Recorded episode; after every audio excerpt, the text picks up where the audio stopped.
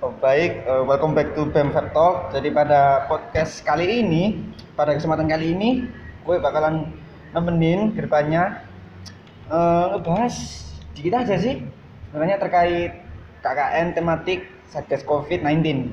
Nah, eh, seperti kita ketahui ya, jadi eh, mahasiswa kali ini, pada periode kali ini kan lagi ngelaksanain KKN tuh eh, sejak akhir bulan lalu sampai akhir bulan ini.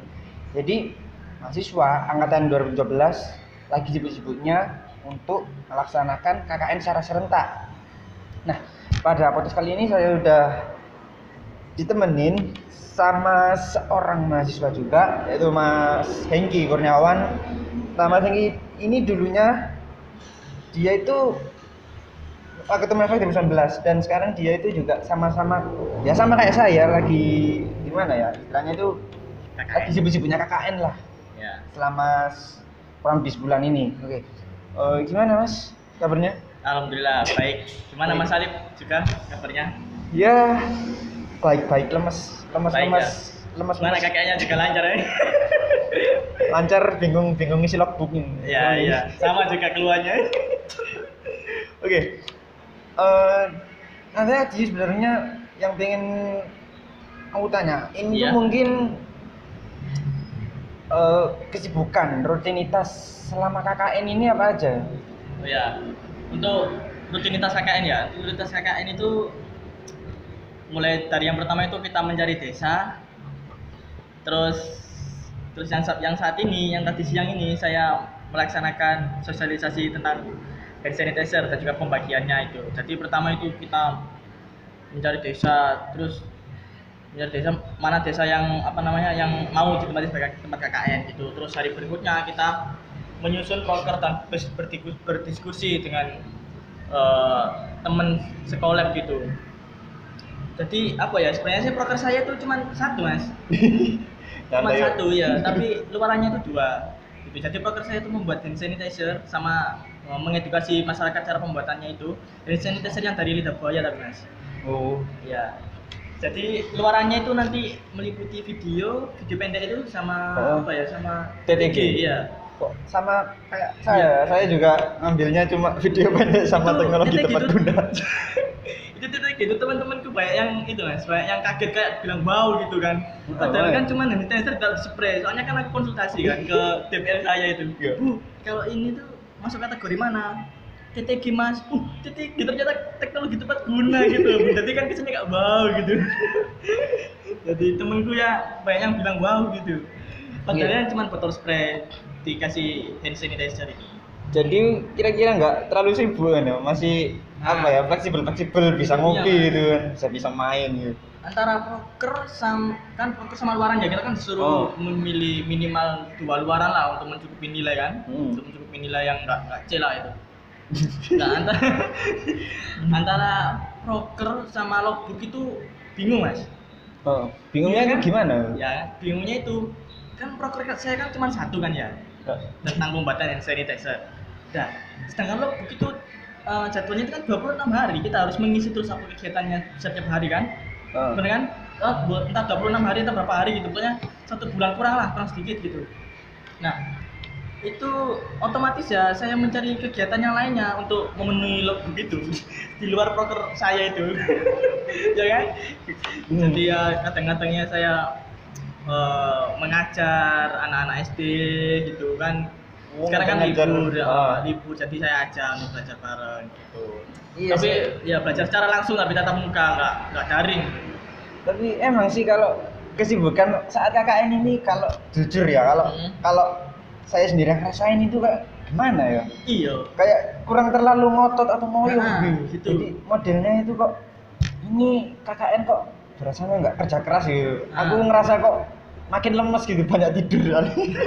Nggak, soalnya gini ya, memang eh, luaran sama proker kan memang didesain lebih ke dalam jaringan kan daring. Iya. Kayak luaran juga kan saya Iya. juga ngambilnya sama TTG sama video pendek. Nah, ya T3 T3 kan juga nantinya kan bentuknya kan narasi juga. Iya. Terus yang video pendek juga kan video kita cuma edit edit gitu kan ke video ngedit sama Mhm. tidur kan bisa. Nah, Nah, Nah, makanya yang aku bingungin itu ntar logbook ini di siapa Nah, gitu. selain dari lingkup prokerku yang bagi-bagi sembako sama ngerjain luaran dua itu Iya. tadi, ini kira-kira di siapa logbook? Sedangkan Nah. logbook itu kan paling nggak diisi selama KKN berjalan. nah gitu. Kan sedangkan apa ya? Kayak panduan di panduan kan gitu kan Oh, makanya. kita kan disuruh memilih broker tapi luarannya itu yang disuruh memilih, memilih luaran terserah memilih berapa luaran kan. Tapi kalau saya kan memilih dua luaran kan Hmm. agar ya bagus agar tidak nggak- sia-sia juga. Tapi ya gimana lagi dijalani aja seperti itu. Makanya. Ya bingungnya ya itu logbook itu.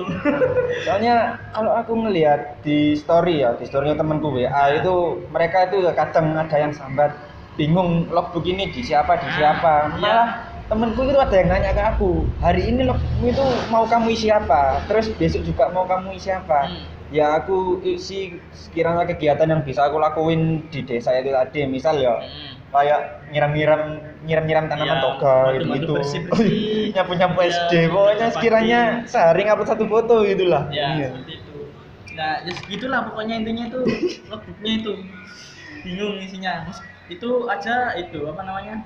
Jadi otomatis kita nganu mencari broker lain selain broker yang kita yang benar-benar yang masuk di luaran itu kan?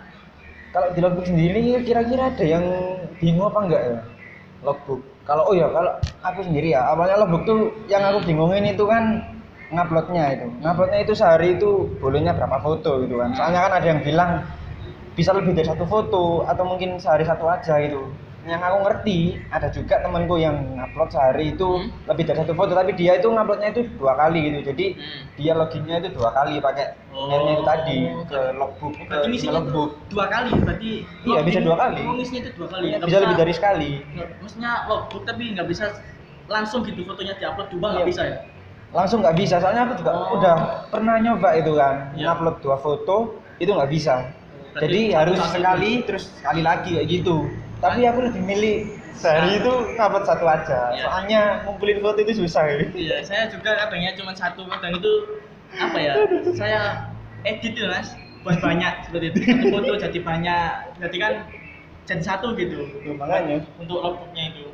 Nah, kalau opini sendiri nih, opini pribadi terkait pelaksanaan dan konsep KKN Sat- Satgas COVID-19 ini udah gimana sih? Sederhananya aja menurut Oh, pel- dari Jutman di, dari mananya? Dari pelaksanaannya ya? ah, pelaksanaannya sendiri nih, udah efektif apa belum? Terus Oh. konsepnya itu menurut sampean gimana? Apakah Ya. sudah efektif atau kayak ngerasa kurang greget kayak gitulah Nah, ininya? iya. Jadi gini mas, kan pertama itu kan sebelum adanya pandemi kan kita kan ada kelompok kan yang dari UNIF itu tuh, Hmm. yang itu. Nah, Ya pemberan kelompok itu kan. oh. Em, setelah ada pandemi ini kan kita disuruh daring kan Oh. disuruh apa namanya KKN di desanya masing-masing Hmm. nah otomatis kita kan sendiri sendiri itu kan KKN-nya kan kita 26 hari atau, berapa- Oh. berapa hari itu lah itu 26 hari nah itu kan kita kan kalau sendiri itu kan juga apa ya 26 hari itu bingung gitu kalau sendiri kan apalagi di desa sendiri gitu kan Hmm. kan ada mas yang di story WA itu yang temen-temen buat story itu Heeh. bayangin KKN di desa sendiri pakai almet sendiri.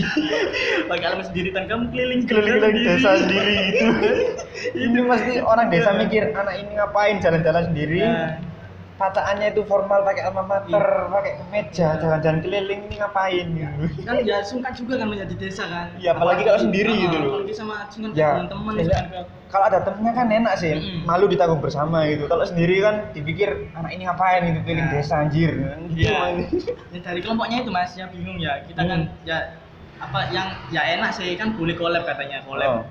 Kata ada yang bilang maksimal tiga orang satu kelompok ada yang bilang kan soalnya kan kadang kan beda-beda kan setiap Iya, itu memang. informasinya kan mas ya kan memang kadang bingung info sendiri tuh masih Hmm. gimana ya simpang siur. Nah, aku nanya itu. ke temanku yang A ini jawabannya gini yang B jawabannya gini yang C jawabannya gini terus aku nanya DPL gue juga gini jadi Iya. gimana ya info Bingung. itu bingung makanya kalau aku nanya-nanya informasi itu kadang ke ketupelnya langsung Hmm. atau. Pokoknya ke ketupel kordes sama DPL itu yang biasanya aku tanyain. Ya jadi kan enak yang punya anu apa namanya temen yang deket satu kota Hmm, gitu makanya. kan. Itu bisa nanti kerjasama apa namanya satu kelompok. Jadi kan gak, gak, gak berat. Secara Hmm. pengeluaran uang secara apa namanya eh, kayak kegiatan itu kan gak, gak berat juga. Kan bisa dipikirkan bareng-bareng kan. Hmm. seperti itu juga. Eh, kalau kalau sendiri kan ya gimana? Ya bayangin aja lah mas. Ya bisa sih. Bisa kalau apa namanya eh, ada itulah kayak dia mau gitu. Hmm. tapi kan ya gimana ya? Tapi ya kalau sendiri tuh rasanya ya kasihan gitu mas kalau sendiri. Ya iya kan? Gimana Iya, kalau sih. ya kan? Jadi kan ya sendiri kan. Enak apalagi kan sebenarnya sih KKN ini kan juga sebagai kesempatan kan selain kesempatan untuk mengimplementasikan ilmu yang kita dapatkan selama perkuliahan Hmm. juga kita juga kesempatan bagi para jomblo Iya sih biasanya iya yang cowok-cowok ini biasanya yang Iya. masih jiwa-jiwa muda yang biasanya disebut Nah, ah. istilahnya apa ya Fuckboy, fuckboy terus buaya yang aku heran tuh kenapa kok harus pakai buaya Hmm. buat eh, iya. Pengibaratan ke cowok itu. Padahal kenapa buaya buaya? setia, ya. makanya. Dunia nyata buaya itu setia. Iya padahal buaya itu setia sama pasangannya cuma satu. Kalau mati ya udah. Iya. Harusnya itu cowok-cowok fuckboy yang dianggap buaya itu harusnya itu bangga itu. Ah, Iya. kan buaya itu sebenarnya ya makhluk setia cuma ya gitu stigmanya udah jelek ya jadinya Iya. dikira eh, suka eh, ya segitulah ininya. Nah jadi mungkin ya kalau mungkin aku boleh bilang nih ya kalau misalkan kalian bingung informasi ya kalian ini usahakan kalau nanya itu jangan ke satu sumber aja. Kalau Hmm. nanya itu usahakan nanya ya pertama ke kordes kalau misalnya di kordes jawabannya kurang memuaskan nanya DPL ya dan kalau kurang memuaskan lagi bisa langsung nanya ke ketuanya Mm-mm. dan saya sudah nyobain semua nanya ke mereka.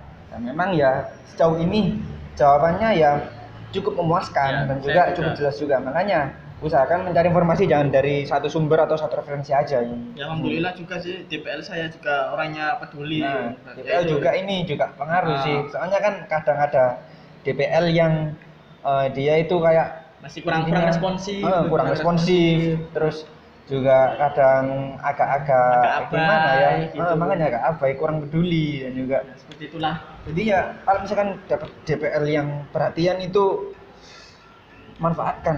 Nih, ya Hmm. maksudnya manfaatkan dalam hal baik ya, bukan dalam hal buruk. Makanya itu. iya jangan jangan macam-macam lah ya Nah, lalu selanjutnya itu statement nih mengenai kondisi mahasiswa, apakah perlu adanya bantuan dari kampus, ya kan bantuan eh, dana atau kuota untuk pengerjaan proker dan eksekusi luaran gitu.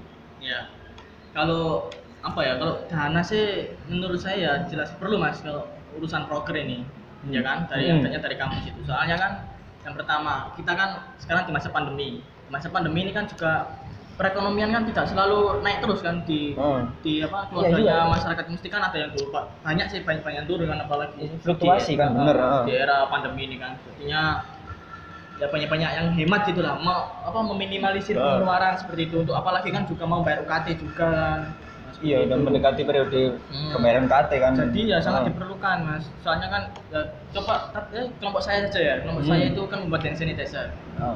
itu cuman bisa nyebarin hand sanitizer itu berapa botol beberapa rumah tangga itu. Beberapa rumah kan kemarin dari rumah ke rumah itu kan pembagiannya. Iya. Masih 10, 10 15 Mas, 15 Hasil 15 Masih rumah. 15-an rumah. Padahal itu masyarakatnya banyak itu kan ya, iya. hitungannya. Jadi apa ya? Masih kurang lah. Untuk Iya, kan iya. juga beli buat beli botolnya terus buat beli Hmm. alkoholnya, pokoknya buat beli bahan-bahannya gitu Mas.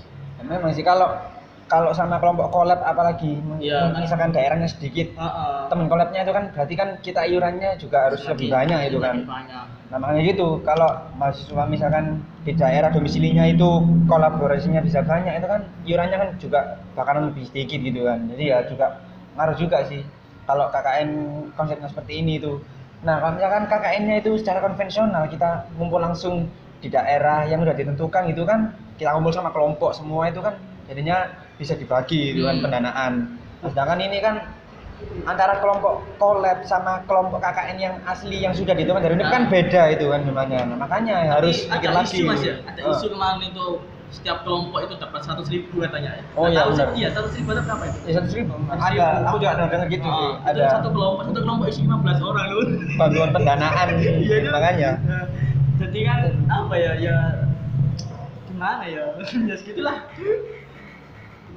sebenarnya anu sih apa bantuan dana ini bener-bener rata ya mas ya iya Bantuan gini dana untuk proker ini. kalau bantuan dana sendiri nih ya aku kan juga sudah nanya terkait dana-dana ini kan. Ya. ya jawaban singkat sih kalau dana ini masih dalam tahap pembahasan sejauh ini. Sedangkan KKN ini kan sudah berjalan dua minggu kan. Nah Hmm. sedangkan kalau sudah berjalan dua minggu kan berarti kan sudah sampai setengah jalan. Kok kenapa eh, sekiranya belum ada bantuan gitu kan. Sedangkan mahasiswa kan sudah dituntut mandiri berarti kan mereka juga harus Hmm. eh, melaksanakan semuanya itu benar-benar dengan memfasilitasi diri sendiri gitu kan kemarin juga ada mas temanku temen biasa ya UTM gitu kan Hmm. itu ngopi ya sempat ngopi kemarin kemarin malam lah kemarin Ya. malam itu ya cerita-cerita tentang KKN katanya itu mau habis uang sekitar hampir satu jutaan katanya mas Bus.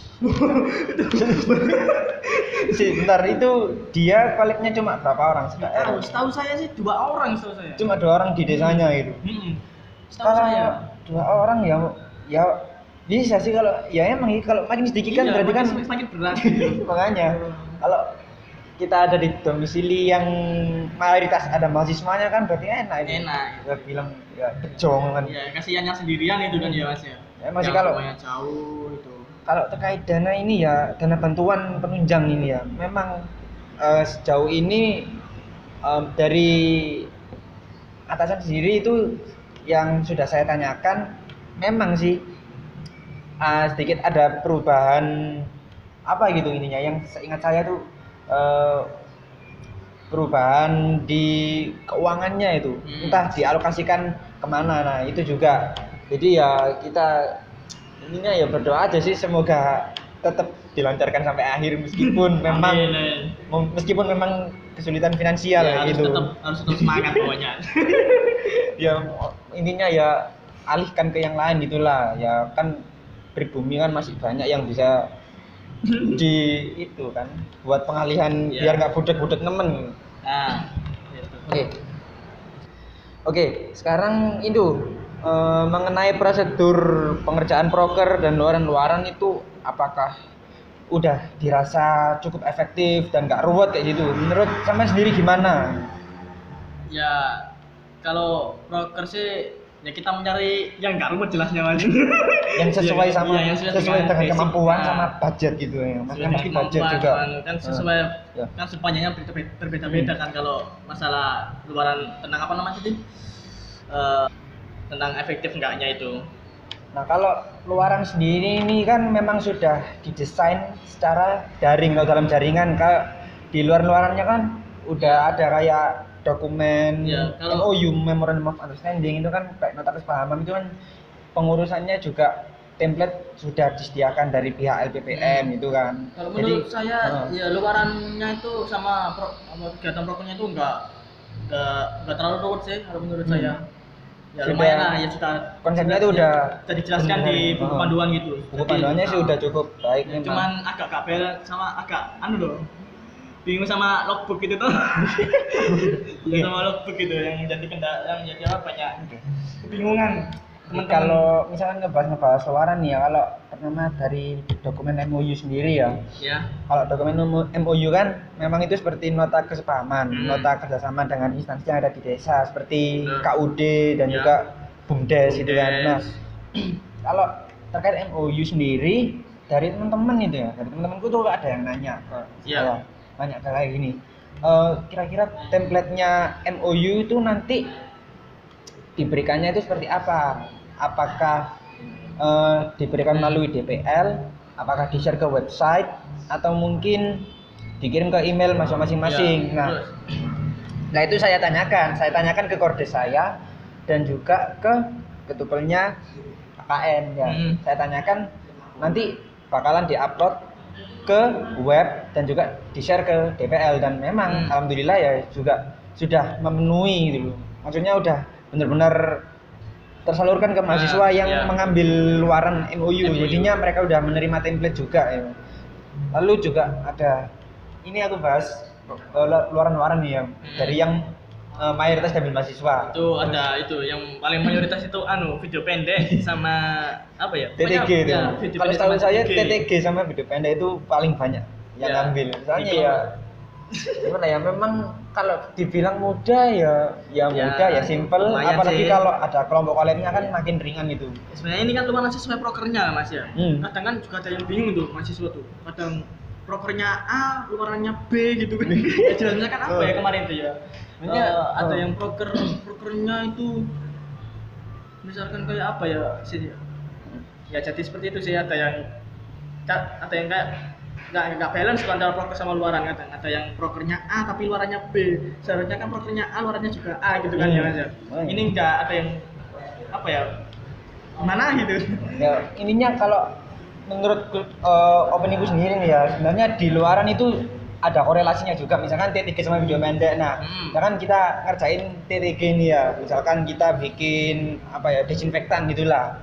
Nah kita saat bikin desinfektan itu kan nanti bisa di video juga. Nah di video itu juga nanti kan bisa dimasukin ke luaran video pendek. Dan itu deskripsinya juga bisa misalkan pembuatan desinfektan untuk gini gini gini dalam rangka pencegahan COVID-19 nah itu kan berarti kan udah kayak nyambung gitu loh luaran yang ini sama ini.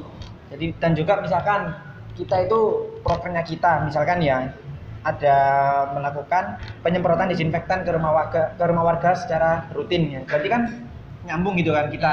Pertama kita ngerjain DTG lalu din- dinarasikan dan juga waktu pengerjaan DTG tadi tadi itu kita juga bisa sambil nge-record gitu loh sama merekam berarti kan itu udah masuk luaran video Iya. pendek nah setelah kita bikin DTG dan juga merekam nanti kita menyemprotkan disinfektan ke rumah Hmm. warga itu kan udah masuk proker berarti kan itu udah korelasi udah nyambung Nah. semua gitu relate gitu kan antara Nah. proker sama luaran intinya Jadi- itu ya anu Nah. intinya ya sambil dikonsultasikan ke DPR-nya Hmm. itu kadang ya tak tanyain mas teman gitu. Sudah dikonsultasikan ke DPR-nya tak kok programmu ini keluaranmu ini gitu. Ya, makanya. Ternyata sudah gitu. Dan prokernya apa yang main itu? Kalau nggak salah itu apa gitu lupa saya ya? Oke, kalau misalkan dari video pendek sendiri ini menurutku juga cukup simpel sih. Kita tinggal em, ngerekam aktivitas kita, kegiatan kita. Waktu KKN lalu kita tinggal ngedit untuk menjadi sebuah video pendek yang minimal itu satu menit ya mana ya namanya juga video pendek kalau panjang ya mending bikin film aja syuting gitu kan iya Ya. mending bikin film Nah, kalau video pendek juga ini ya menurutku juga cukup sederhana sih. Kita ya cuma modal skill untuk ngedit dan juga modal nger- Melaksanakan. nge- yang ngerekam video itu Ah. tadi. Lalu kita juga harus ngupload ke YouTube juga kan. Nah, selanjutnya ada juga eh, luaran itu publikasi media sosial. Nah, terkait publikasi media sosial ini nantinya kegiatan-kegiatan yang kita lakukan entah program entah luaran itu bakalan di-upload ke website-website gitu, website yang aktif. Nah, untuk publikasi media sosial ini sejauh ini informasi yang sudah saya kumpulkan dan sudah saya cari bisa di upload ke websitenya Ormawa-Ormawa yang ada di Universitas Trunojoyo. Entah itu Ormawa Unip atau Ormawa Fakultas asalkan website itu tadi aktif. Nah makanya eh, mungkin dari mahasiswa sendiri ada yang mengambil luaran publikasi media ya mungkin kalau ingin mudah ya kita tinggal memanfaatkan fasilitas website yang sudah disediakan sama Ormawa ya hitung-hitung kita em, kayak memberikan kerjaan untuk Ormawa gitu lah. Karena ya memang di masa pandemi seperti ini kan proker-proker kan eksekusinya nggak bisa secara langsung di lapangan gitu. Jadinya kebanyakan dari daring. Dan memang kayak seperti paid promote dan juga website itu gencar-gencarnya aktif saat pandemi seperti ini. Lumayan kan hitung-hitung dapat pemasukan meskipun ya memang lagi fluktuasi seperti ini oke kalau terkait itu luaran media pembelajaran sendiri itu menurut kalian kayak gimana ya Nah, kalau media pembelajaran nih gimana ya kemarin tuh? Kemarin kan eh, waktunya musim libur kan ya anak-anak SD, SMP, SMA kan? Masih Baru- libur sekolah gitu loh. Baru masuk tanggal baru masuk tanggal 13 kemarin kan, baru masuk Hmm. kemarin gitu. Jadi ya otomatis eh, harus apa ya? men- apa? menyesuaikan jadwal dengan Oh, anak-anak sekolah anak-anak gitu kan, tapi kan kebanyakan kan ya nganu sih milih libur itu kan gak makanya gitu kan ya. nah untuk med- eh, apa media pembelajaran ini kalau misalkan memang bawah musim libur. untuk media pembelajaran ini kalau misalkan kita pengen langsung terjun ke sekolah berarti ya kita harus ngambil minggu ke tiga karena Iya. wak- KKN waktu minggu pertama sama minggu kedua itu kan masih eh, belum aktif anak-anak sekolah. Jadinya mungkin waktu minggu pertama minggu kedua kita bisa bikin media pembelajarannya terus minggu ketiga minggu keempat kita mungkin bisa eh, langsung mempraktekkan dan juga mengimplementasikan media pembelajaran itu tadi di sekolah-sekolah mungkin bisa minta Hmm. perizinan ke guru dari Hmm. sekolah yang bersangkutan seperti itu Ngomong masalah sekolah daring ini ya mas ya. Oh. Kalau masalah pembelajaran daring ini Hmm. sebenarnya sih apa ya ya ada yang kasihan juga kan. Misalnya Oh. em, anak SD lah SD kelas 1 itu kan masih belum belum tahu apa apa kan tentang Iya. tentang ini kan aplikasi apa apa gitu terus misalkan kalau itu anak SD kelas 1 itu kalau misalkan orang tuanya kedua-duanya bekerja Ya, Nah, makanya itu. itu yang buat bingung juga kan kasihan juga kan ketinggalan jadi dia nggak ikut zoom meet zoom nggak ikut apa nggak ikut google meet Aku bayangin anak SD buka Iya. Google Meet itu gimana gitu. terus itu yang pertama kali tinggal orang tuanya kerja terus terus yang berikutnya kalau rumahnya pelosok gitu kan ya susah sinyal itu kan juga juga menjadi kendala kan Iya sih, maksudnya kalau untuk media pembelajaran nih ya terlebih kalau misalkan untuk anak SD itu sendiri hmm, kita masih belum bisa mukul rata semua itu mampu hmm. melaksanakan gitu loh karena ya ya logika aja sih anak SD tapi anak SD zaman sekarang itu kalau aku lihat udah terbiasa pegangan HP ya? Tapi ngeliat- TikTok mas. Aku lihat anak-anak SD itu aku bayangin dulu waktu SD itu Iya. masih main main kelereng ngejar-ngejar layangan Iya, putus. layangan, sekarang Nah, enggak. sekarang enggak. Joget generasi generasi menunduk. Sekarang itu anak SD itu udah ngerti udah ngerti ML ML Mobile Legend Mobile Legend, Mobile Legend Mobile Mobile Legend, Legend ya, Ah, positif. Mobile Legend maksudku main FF Free Fire itu. Jadinya gimana ya? Mungkin kalau anak SD-nya itu diarahkan gitu mereka tuh bakalan paham gimana cara menggunakan media pembelajaran tapi yang juga ya kalau dibiarkan sendirian tanpa pengawasan orang tua juga terlalu berbahaya kalau anak kan soalnya kan nggak tahu kan Oh. soalnya kan anak kecil kan rasa penasarannya besar kan Makanya. rasa penasaran besar dicoba tahu taunya nanti pas ada yang bayar bayar gitu kan ditekan tahu Iya, emang bener. ibunya datang datang dapat tagihan satu juta wah semaput makanya kalau untuk anak SD sendiri media pembelajaran itu benar-benar harus butuh dampingan orang tua sih. Ah. nah makanya kalau untuk luaran media pembelajaran ini usahakan itu kita juga harus mengarahkan biar tepat sasaran gitu. Mm-mm. kalau untuk anak SMA kan pasti udah aman kan mereka udah ngerti. Iya, atau enggak ya kita ngirim video ke mana ke WA video pembelajaran ke. WA itu juga harus benar-benar difilter dan sesuai dengan usia itu tadi Ya, kalau pakai Edmodo, pakai Zoom ya belum nganu kan anak kelas 1 SD. ya mas aku Edmodo, Google Classroom semuanya udah aku install gimana ya aku sudah Mentang-mentang mata kuliah sudah habis aku ini. sudah bosan itu semuanya udah aku install itu beneran Edmodo jadi tinggal Google Meet nah sekarang untuk luaran yang terakhir nih ada yang poinnya paling gede nih paling Iya. gede kan Review review artikel, artikel. poinnya berapa empat ya? Empat. Nah. Empat ini dapat nilai B plus mas. berarti masih setidaknya harus didampingi dengan luaran lain masih kan Ya, tapi anu ini apa namanya? Anu anu anu terus anu anu terus apa namanya? Review artikel ini em, mencari eh, yang yang direview itu cuma artikelnya itu 10 10 artikel gitu. 10 artikel. Hmm, jadi- lumayan sih. yang cari yang 10 artikel terus penerbitannya itu minimal 10 tahun terakhir jadi tahun 2010 itu. Kalau dihitung dari 2020 20, berarti harus pakai artikel yang terbit 2010 minimal 2010 Hmm. berarti di bawah 2010 itu nggak masuk? nggak masuk. Anu oke. Nah, jadi terus eh, apa lagi ya?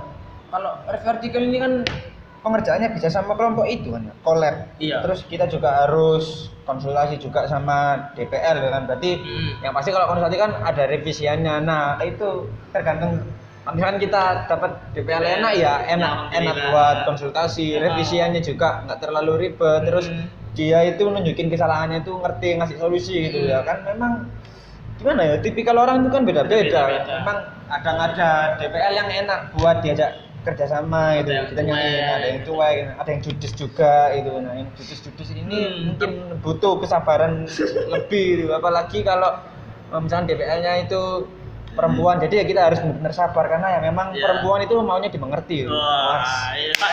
ini masalah ini anu ini sat apa sat boy. Oke, jadi itu tadi ya kalau terkait terkait luaran ya kalau menurutku kalau menurutku pribadi luaran yang paling enak itu Video ya pendek. video pendek karena memang video pendek itu juga udah bisa dikorelasiin sama Hmm. program-program kita kita. Program- kita. macam program. Hmm. Kan kita pendek. luaran-luaran juga bisa dimasukin ke video pendek beberapa luaran gitu, beberapa misalnya Nah, ini apa namanya favorit mas? Makanya banyak sendiri. Soalnya aku lihat lihat lihat lihat di YouTube itu juga udah banyak Banyak yang upload, upload itu. ya? Nah, makanya anak-anak juga ngeditnya itu udah bagus-bagus gitu loh. Kayak mereka bener-bener nuyak gitu. Nah, Nah. Aku ngelihatnya tuh jadi insecure. jadi Nah, kayak iya. Tapi poinnya cuma dua ini Makanya- harus didampingi dengan luaran yang lainnya. Nah, makanya itu Ya. video pendek ini harus pinter-pinternya kita itu ngolaborasiin dengan luar-luaran lain dan Ah. proker-proker lain. Jadi Ya. ya biar kita itu ngerjainnya itu gampang gitu. loh. Hmm. Hmm. Oke.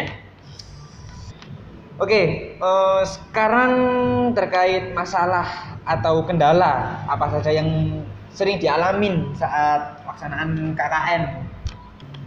Nah, kalau masalah kendala ini ya cenderung apa ya sedikit lah kendalanya ya cuman itu tadi dana kan jadi kit- kan kita kan apa ya dari kelompok ini kan eh, tidak semuanya maksudnya ekonominya itu kan loh stabil baik Hmm. terus gitu kan jadi ya eh, benar-benar memperhitungkan pengeluaran ya itu tadi seperti yang saya bilang di awal tadi kayak kan kan bayaran UKT juga kan Heeh. Nah, jadi ya hanya bisa membuat hand sanitizer sedikit. Jadi setiap desa itu hanya berapa ya? Enggak sam eh, ya seperempat lah, seperempatnya. Sempat dari penduduk total gitu Oh, tapi ya pembagiannya. tetap kayaknya kurang dah, kurang dari seperempatnya gitu. Jadi jadi Tapi, ya sedikit itu.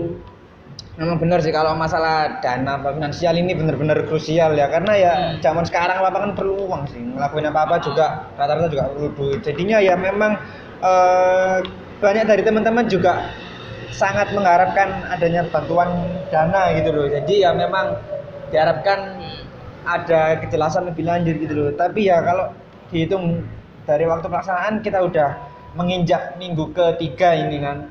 Eh, kalau masalah dana ya mungkin ya berdoa berdoa aja dan Hmm. untuk berharap berharap itu intinya jangan menaruh harapan di ekspektasi eh, Nah, jangan menaruh iya. ekspektasi di tempat tertinggi gitu loh. Kita berekspektasi terlalu tinggi tapi nyatanya nggak sesuai sama Ya, harapan gitu. Tapi Ya, Sus. nah, terus jadi eh, apa ya agak sulit juga mengumpulkan warganya gitu apalagi kan sekarang masih pandemi gitu kan meskipun new normal kan juga pertama adalah kendala tempat kendala tempatnya itu kendala tempat terus tempatnya kalau misalkan kita mengundang banyak warga kan otomatis kan kita membutuhkan tempat yang luas Iya memang balai desa itu kalau aku rasa ya Iya, kurang sih kecuali kalau desa itu punya aula sendiri Heeh, atau kalau- di lapangan ya. Tapi ya tetap sih kan kalau kita menuruti protokol kesehatan kan harus berjarak itu. Iya, Yang berjarak, pastinya ya, itu dia yang membuat Heeh. membuat jadi sempit kan berjaraknya itu tadi jadinya nggak semua warga itu bisa dikumpulkan di tempat paling nggak kita bikin sesi-sesi gitu loh. Jadi- Misalkan ada sosialisasi sesi satu warga segini, Ah, sosialisasi sesi kedua warga segini paling juga harus diakalin seperti itulah. ah, jadi jadi apa namanya kami kelompok kami kemarin itu anu apa namanya eh, datang rumah ke rumah itu loh dari Jadi- rumahnya warga kak lagu India aja rumah ke rumah jadi mendatangi ke rumah-rumahnya warga ya Iya. kita nggak nggak harus mengumpulkan itu ya sih Ah. kalau menurutku ya seperti itu lebih efektif jadi kita nggak harus susah-susah mengundang warga harus naik tempat dulu Iya. harus eh, ngatur sesuai protokol kesehatan juga jadi Hmm. memang sih kalau seperti ini ya paling efektif itu kita datengin satu-satu ke rumah warga. Iya. Tapi ya juga harus berani capek juga karena kan keliling kan ya. Iya, keliling. Jadi sabarnya di situ nggak apa-apa. Daripada daripada cuma gelimang-gelimung ada kegiatan mendingan jalan-jalan sekalian. Oke.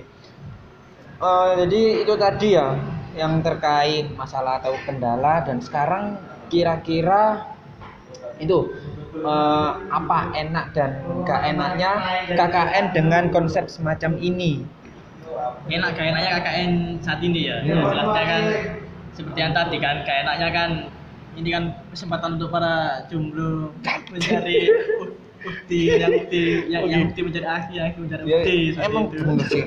Kebanyakan ya terutama yang cowok-cowok ini kalau KKN ini dijadikan apa dijadikan ajang buat Eh, kesempatan ya. ya kesempatan. Ada beberapa opsi sih biasanya mahasiswa cowok ini yang satu cinlok sama teman sekelompok yang dua cinlok sama pribumi asli Pribumi situ lokal, nah tapi kalau kemarin ngomong-ngomong ada ya punya Apa? ya mas ya temannya kita kan ya yang cutting oh iya ada ada ah. tadi ya. ada juga cutting yang Ah. akhirnya dia itu cinlok sama teman sekelompoknya sendiri Ya. nah itu tergantung Hmm. dari kita aja kita itu jadi bisa milih-milih milih Oke. cinlok sama pribumi atau cinlok sama teman sekelompok kalau kita- aku ya mending milih nggak cinlok daripada sakit hati di akhir Oh, satu. oke oke. Sekarang kita kembali lagi ya itu ya. Oh. En- enak enak gak enaknya ya. Heeh. Eh, enaknya itu pertama dekat rumah pasti ya. Dekat rumah. lapar tinggal pulang makan ya ya. Terus hemat hemat uang jajan juga kan. Iya sih, di rumah juga harus. hemat uang Oh. transportasi, hemat apalah gitu.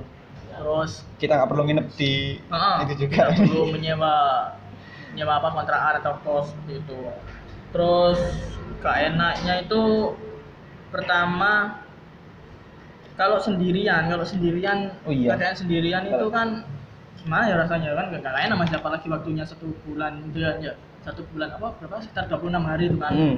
jadi kan kurang enak seperti itu kalau kalau sendirian gitu terus tapi ya untungnya saya kemarin itu banyak banyak yang temen itu loh temen Banyak yang temen. satu tempat Oh. gitu tapi saya tuh kan mas ke desa lain bukan ke desa saya Hmm. kalau saya ke desa lain yang sendirian juga gak enak kan ya sungkan juga kan Hmm.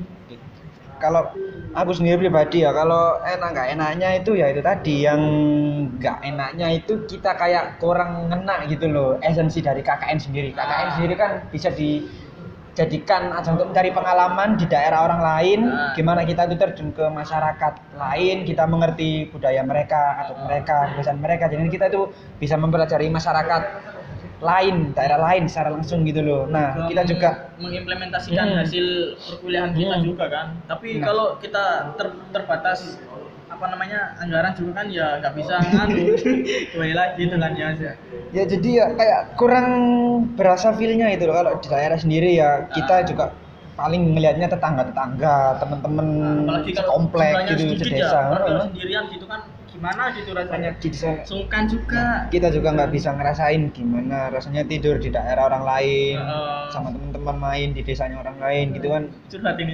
Makanya kayak adaptasinya itu kurang ngena gitu loh jadi kita tuh kayak nggak benar-benar nggak dapet esensinya KKN gitu modelnya kalau urus yang lain masalah tentang kayak logbook kayak apa namanya broker luaran itu semuanya ya enak sih Bisa. logbooknya itu yang pelaksanaannya itu logbooknya itu yang kadang bingung isi kegiatannya itu. Heeh. kalau masalah sistematika apa namanya buku panduannya sih itu sudah jelas sudah tertera jelas gitu jadi kan enak gitu kayak broker sama luaran itu kan harus Oh. satu apa harus balance gitu kan Ya makanya sih intinya itu kalau masalah daring seperti ini itu kita harus intinya berani-berani aja nanya, sering-sering nyari informasi bukan hanya dari satu sumber. Intinya itu bertanya jangan cuma ke satu orang gitu. Usahakan ya nanya ke teman-teman juga sih makanya soalnya ya informasi juga kadang dari A B C D itu beda. Jadi ya Iya. kita lakukan biar nggak ada miskomunikasi gitu. Nah, jadi terakhir nih, kira-kira harapan ke depannya jika konsep dan pelaksanaan KKN itu masih sama seperti sekarang ini. Jadi misalkan kalau tahun depan ini masih pakai konsep satgas COVID gitu, Iya. kira-kira gimana? Oke, tentang harapan ya. Misalkan kalau KKN, misalkan kalau masih terjadi pandemi, Hmm? ya harapan saya KKN-nya ini pertama tentang sistematika kelompokannya, pengelompokannya. Hmm. Kan kemarin kan kita kelompokan dari UNI, Ya ditentukan sama kampus. dari kan? UNI, Oh. terus tiba-tiba ada SK tentang ini KKN kita di desanya masing-masing. Jadi kan juga kebingungan kan, kasihan ya rumahnya jauh juga. Hmm. Jadi harapan saya mengenai kelompok ini yang pertama bisa ditentukan oleh kampus, bisa ditentukan oleh kampus tapi dilihat dari lingkup daerahnya itu. Jadi misalnya mahasiswa ini daerah Lamongan, jadi dikelompokkan selamongan gitu. Hmm. Jadi dibagi di Lamongan atau mungkin atau mungkin yang ke, yang kedua yang terus yang kedua dari saya itu mahasiswa itu memilih kelompoknya masing-masing. Jadi bebas. Jadi bebas memilih kayak dia mau KKN di mana gitu terus be- itu bebas terserah mereka jadi apa ya nggak nggak terlalu terkekang gitu loh. Maksudnya bukan masa terkekang sih biar ada temennya juga kan. Hmm. Nah, kayak kakaknya tahun angkatan apa atasnya kita angkatan 2016, 2016 kan, ya. kan menjadi sendiri ya. Saya rasa Iya. itu juga cocok kalau diterapkan di KKN berikutnya kalau misalkan masih ada pandemi ini. Iya. Ya soalnya kalau Nah, kalau juga- sendirian kan nah, kasihan juga kan ya Mas ya. Mungkin yang- terus yang berikutnya yang berikutnya ini ya saya harapkan anu mendapatkan dana broker gitu hmm, pendapatan proker misalnya berkelompok itu kan jangan itu. Heeh. ya minim- minimal untuk meringankan lah gitu meringankan beban biaya dari mahasiswanya itu Em, kan lumayan sih kalau da- mendapatkan dana dari broker gitu saya da- dana broker itu bisa untuk apa ya broker itu bisa bisa berjalan dengan optimal gitu. Maksudnya bisa memanfaatkan dana itu untuk broker brokernya agar bisa optimal seperti itu. Ya sejauh ini ya se- se- selain itu saya sudah jelas semua tentang apa namanya tadi buku pandu uang sudah jelas terus broker luaran sudah jelas semua. Ya situ sih menurut saya. Oke baik. Jadi itu tadi eh, harapan yang sudah dipaparkan sama Mas Engginya. Jadi ya memang jika memang konsepnya untuk tahun depan masih dalam jaringan atau daring ya diharapkan juga mahasiswa juga harus mampu mengimbangi lah dengan konsep yang semacam ini dan intinya harus ada juga koordinasi yang benar-benar padu antara atasan dan juga mahasiswa. Karena ya memang jika pelaksanaan secara daring ini sejauh ini ya memang masih belum bisa berjalan secara merata itu. Dan kita juga belum bisa memukul rata keadaan mahasiswa itu sama dan bisa melaksanakan secara sama rata itu. Jadi mungkin untuk sistematika untuk evaluasi ke depannya ya ya harapan dari kami untuk pembentukan kelompok itu agar lebih dioptimalkan gitu loh. Agar misalkan ya pembentukan kelompok misalkan kita ditentukan dengan univ tapi akhirnya kita itu akhirnya bekerja dengan kelompok kolaborasi kan jadinya gimana kita harus eh, kayak mikir dua kali itu kan. Ngerjakannya sama kelompok collab tapi akhirnya pengumpulan akhir di kelompok yang sudah ditentukan univ jadinya ya diharapkan mungkin kita bisa memilih kelompok sendiri yang sesuai dengan daerahnya masing-masing seperti itu. Dan juga diharapkan juga ada bantuan dana terlebih untuk proker-proker yang sekiranya membutuhkan banyak dana dan juga untuk mahasiswa-mahasiswa yang mengalami eh, kesulitan finansial ya. Karena memang di masa pandemi seperti ini ya ya memang sih jujur aja banyak mahasiswa yang merasa kesusahan apalagi setelah ini memasuki periode UKT seperti itu. Ya juga juga mungkin pesan saya ya sering-seringlah mencari informasi dan jangan malu untuk bertanya ke banyak pihak. Jangan hanya bertanya ke satu pihak. Misalkan bertanya ke Kordes, ke DPL dan juga mungkin ke pihak-pihak LPPM langsung ya. Karena memang di, LP, di LPPM kan sudah menyediakan kontak person entah itu lewat email atau telegram. Jadinya kita juga jangan sampai ketinggalan informasi kita juga harus menjemput bola. Jangan hanya menunggu bola kita harus berani lebih kritis berani untuk bertanya. Jangan hanya mengandalkan eh, pihak kampus kalau saja kita tidak berani mengubah kebiasaan kita yang hanya men- menunggu bola seperti itu. Intinya ya kita harus menjadi mahasiswa yang lebih lebih lebih berani. Nah dan juga mungkin jika eh, tahun depan masih dilaksanakan konsep yang seperti ini, mahasiswa juga harus pintar-pintar memilih luaran dan juga harus menyesuaikan dengan kemampuan, skill dan juga eh, budget juga. Karena memang ya untuk mahasiswa ya. Kalau kalian pinter-pinter milih antara luaran dan broker itu nanti bakal ada korelasinya sendiri.